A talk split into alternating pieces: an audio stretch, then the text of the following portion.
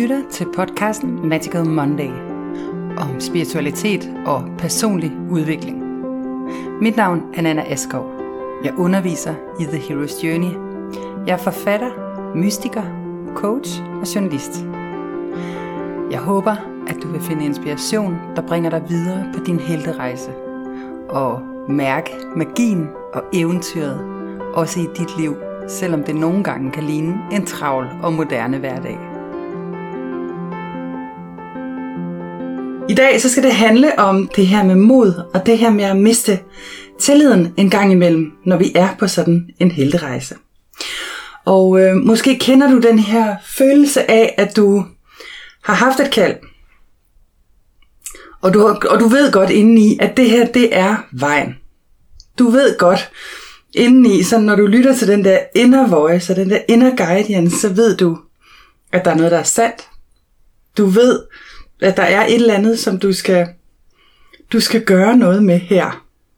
Der er et eller andet nyt felt, du skal stille dig i, eller der er sådan en eller anden, man kunne kalde det en form for en transcendens, du skal igennem. Det, det, ved, det ved du godt, et eller andet inde i dig. Og du handler faktisk efter det. Måske sætter du endda sådan nogle meget konkrete handlinger på. Det kan være øh, at sige jobbet op, eller sætte dig for at skrive en bog, eller det kan være Altså det kan også sådan være, være nede i det små, altså at gå i gang med at træne, ikke? Men, men, men det er jo ikke, det er sjældent, at de dybe kriser rammer os. Det er, når vi virkelig har noget på spil. Det kan også være, at du siger jobbet op, eller altså der er virkelig sådan, eller det kan også være dit ægteskab, eller dit parforhold, hvor du virkelig tager den til et, altså du har lyttet til dit kald, og du har sat noget i gang. Og så og du mærker faktisk modet, og du er god til at takle dig selv, når du glider ud af den. Og, og der er egentlig sådan en, en følelse af, at, at det er rigtigt nok det her. At det er sandt, det du er i gang med. Øhm, det der så pludselig sker, det kan være sådan en form for, jeg kalder det lidt en tillidskrise. Dit ego udviser en eller anden form for tillidskrise med det valg, du har truffet. Og det kan godt være, at øh, det så afspejler sig faktisk også i dine øh, 3D-omgivelser. Altså den her verden, der omgiver dig. Og når jeg snakker om 3D-omgivelser, så snakker jeg i virkeligheden meget om, om virkeligheden og verden omkring dig, når den er set igennem med dit egos øjne. Når, når du ser den der, så, så er det meget sådan øh, den lineære måde at betragte livet på. Jeg skældner meget mellem, når vi er i, i vores sjælsessens, altså den, den lodrette væren, som går på tværs af alt. Her eksisterer tid ikke, her er der kun nuet. Her er der ikke en fortid eller en fremtid. Der er heller ikke skyld og skam. Der er ikke noget, der skal tilgives. Der er ikke noget, du skal nå. Der er ikke noget, du skal gøre. Når vi er på den her frekvens, så er vi på en frekvens af en guddommelig og uendelig kærlighed, hvor vi er forbundet. Og, øhm, og her er der ikke noget, der er vigtigt, der skal gøres, eller du kan lade være. Du kan gøre. Master Yoda i Star Wars siger det jo nok så fint, ikke? There is doing and not doing. Og i virkeligheden er vi jo der, hvor de begge to er, når vi er der på det der sjælsniveau, så kan man sige, hvorfor er vi så overhovedet nede i den her rejse her, som, som den der 3D-verden er et ego og en fysisk krop, der gør ondt og gør godt og kan nyde, og vi er i en verden, hvor der er værdier, altså penge for eksempel, ikke? Øhm, og mad og sult og kulde og mæthed og overmæthed og alt for meget varme og og sådan er det også lidt i vores relationer. I virkeligheden så er alle vores relationer jo guddommelige, og der er ikke noget, vi kan, vi kan lave. Vi kan, vi kan ikke ødelægge vores dybeste kærlige relationer. Jeg havde en samtale i går med en, som netop var sådan på vej til at indlede et nyt, et nyt forhold. Og hvor vi talte om det her med, at selvfølgelig kan det jo udvikle sig til at blive et parforhold, eller det kan også udvikle sig til ikke at blive et parforhold. Men den der dybe kærlighed, og den der forelskelse, og den der følelse af at skulle noget sammen, uanset om det er langt eller kort, den her oplevelse af connection, den er jo sand. Ligegyldigt hvad. Og i virkeligheden så er det lidt det samme, det her med tillidskrisen, jeg vil sige noget om i forhold til det her med at følge sit kald. Og jeg tror faktisk også, det der helten virkelig øh, viser, viser sit, øh, sin særlige styrke. Øhm, når vi er i den her følelse af at være i en tillidskrise, så er vi faktisk der, hvor øh, du kan have sådan en følelse af, at var jeg delusional? Tog jeg fuldstændig fejl? Havde jeg opfundet noget, der ikke var rigtigt? Ser jeg noget, som resten af verden faktisk ikke ser? Holder den ikke i virkeligheden? Er der overhovedet nogen, der gider at læse med på den her bog, eller er der overhovedet nogen, der gider at følge med på den her idé, jeg nu har? Eller det her kald, jeg nu har? Er det bare noget, jeg på en eller anden måde har drømt?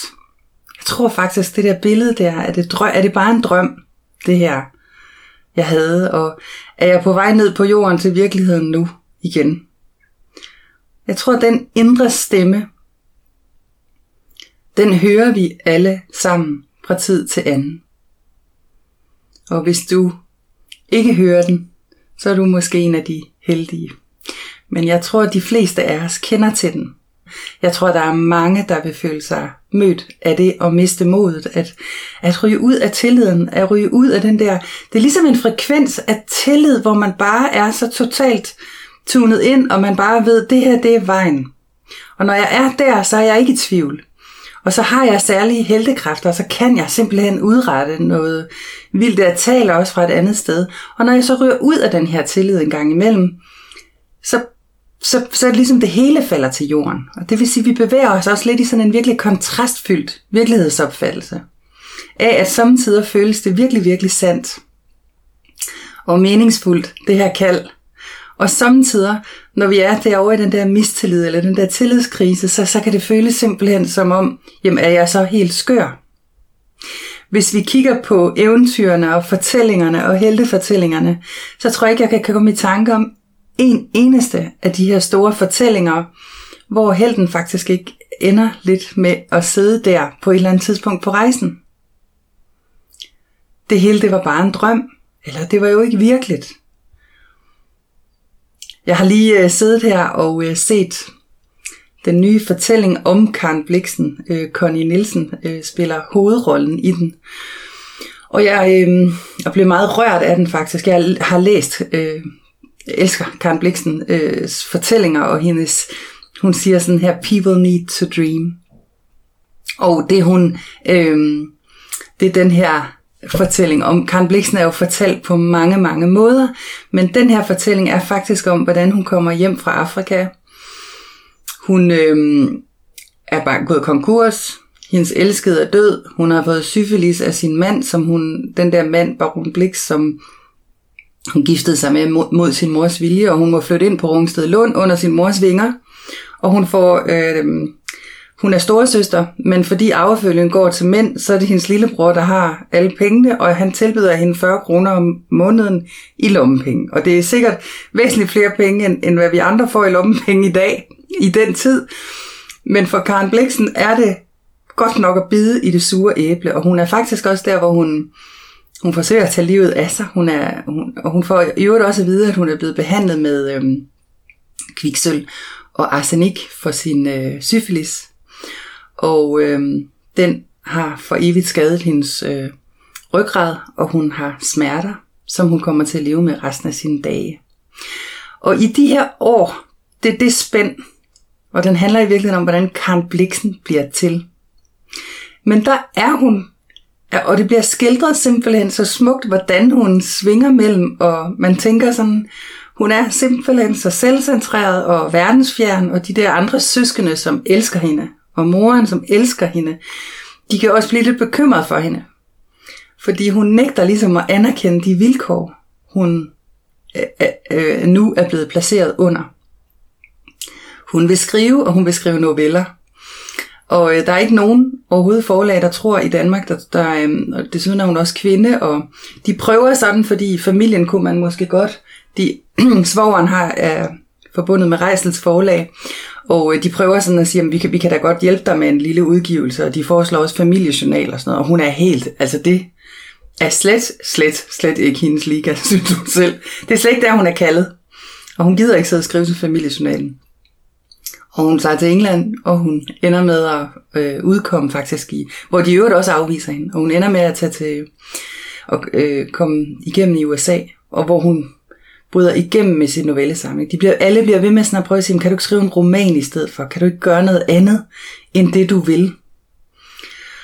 Og, øh, og hun insisterer. Hun insisterer. Samtidig med, at, at man også samtidig er en lille smule bekymret for, hvordan skal det dog gå hende. Hun får selvfølgelig stor succes, det ved vi jo i dag. Øh, hun skriver Den afrikanske farm bagefter, som jo er en roman, og hvor hun genopfinder sin elskede Dennis der i en, i en, øh, i en version, som hun kan eje, som hun selv siger. Øh, og den bliver jo en, en bestseller i hele verden, og hun bliver fætteret og kommer ind hos Gyldendal, så hun, hun bryder jo igennem. Hun får sit gennembrud. Men man kan sige, rejsen, helterejsen i det der stadie der, i de der vigtige år, hvor hun, hvor hun står med et projekt, der på nogle områder måske godt kan se lidt umuligt ud. Det er faktisk der, hvor hun... Det er virkelig der, hvor hun viser karakter. Og jeg tror også der, hvor helterejsen virkelig... Det er derfor, vi kalder det en helterejse.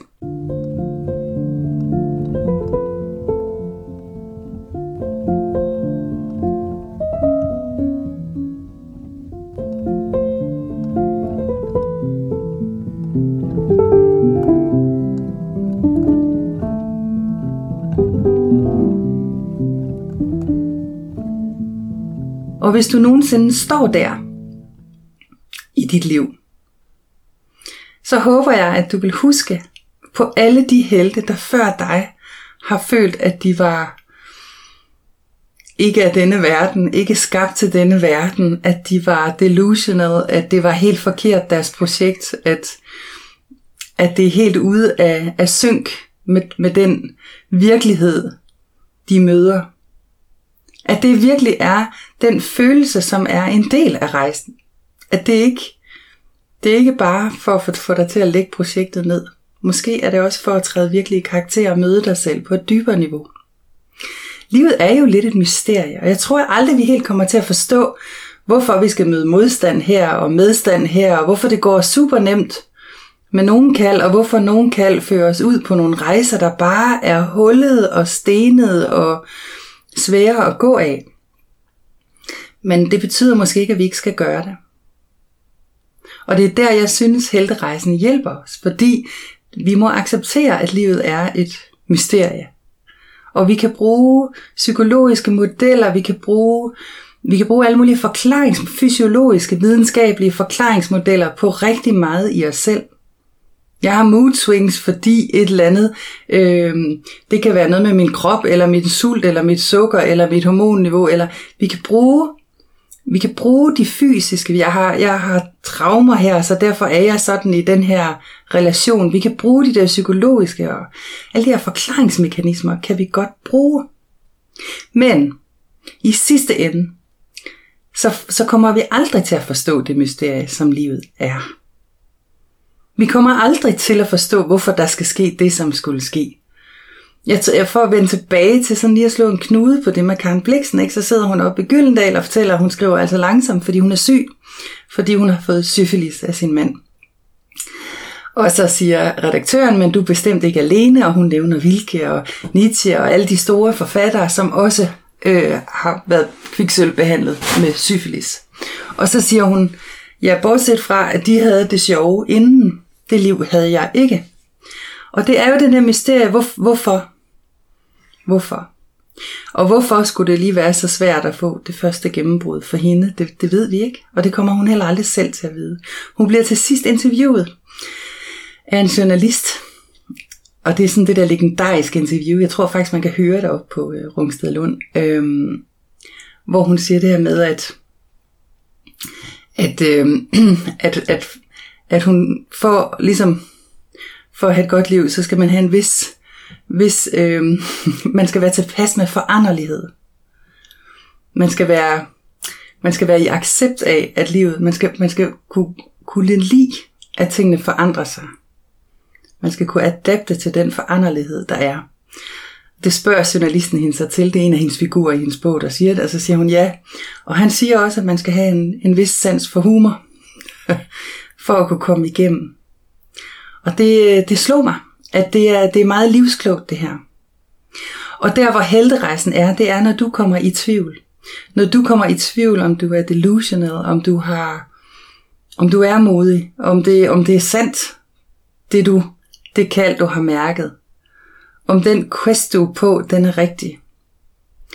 Så hvis vi nu accepterer, at vi ikke ved, hvor den bringer dig hen, at vi heller ikke ved nødvendigvis, hvad der kommer til at ske, at vi ikke kan forudsige, hvor vandet bryder igennem. Det er ligesom sådan et vandløb, ikke? hvor det er dæmmet op. Vi ved aldrig helt præcist, hvor vandet dæmmer igennem, men det skal nok, det skal nok bryde igennem. Vandet vil bryde igennem i sådan en flod der. Det er bare et spørgsmål om, hvor og hvornår. Og det er det, der er livets mysterie, som vi ikke kan vide. Og det er den garanti, vi måske heller ikke kan få. En lille øvelse, jeg kunne dele med dig her, hvis du, når du er der, hvor du mærker den her mistillid til din indre stemme, eller din tillidskrise. Det kan bare være en lille tillidskrise. Dels vil jeg sige, lad den komme. Del den med nogen, du stoler på, nogen, du, der ser dig stor. Øhm, men du kan også prøve at gå tilbage i dit liv, og komme i tanke om de gange, hvor du har siddet og kigget ud i luften og tænkt, er det mig, der tager helt fejl? Har jeg ført mig selv helt på afvej her? Måske kan du også bagefter, eller kommentere om, hvad der skete bagefter. Det du jo ikke kunne vide, da du sad der, og var måske følt dig lidt fortabt. Hvad skete der bagefter? Hvad førte det til? Vil du have sagt ja til det? Hvis du vidste det. Måske kunne du også overveje, hvad du havde lyst til at sige til dig selv, som du sad der og var sådan i tvivl, om det var det rigtige. Om du var delusional. det er sådan et ord, jeg har svært ved at finde på dansk, men det er sådan den der, om du, om du så forkert, om du troede for meget på din indre stemme.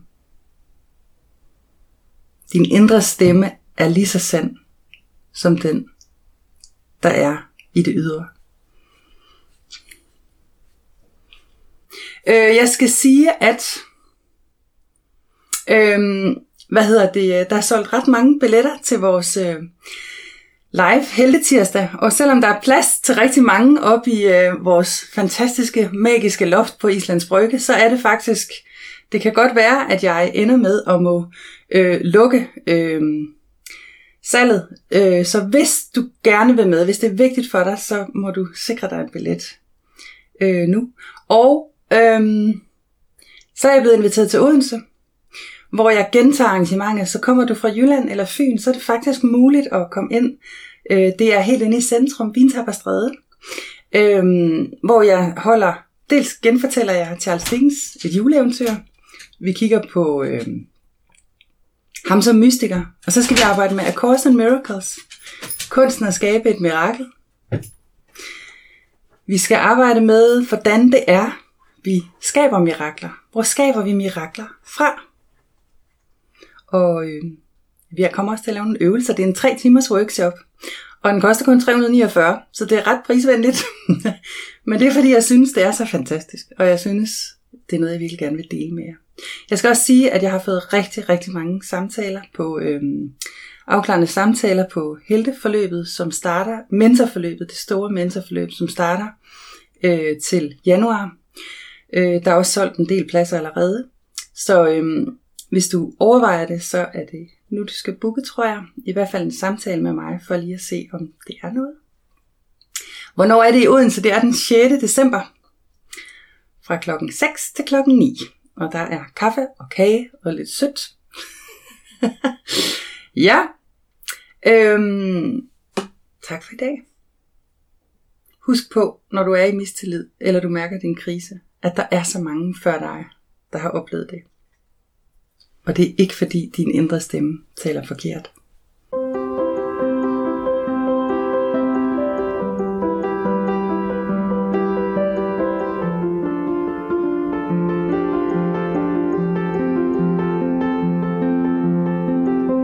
Lyttede til podcasten Magical Monday.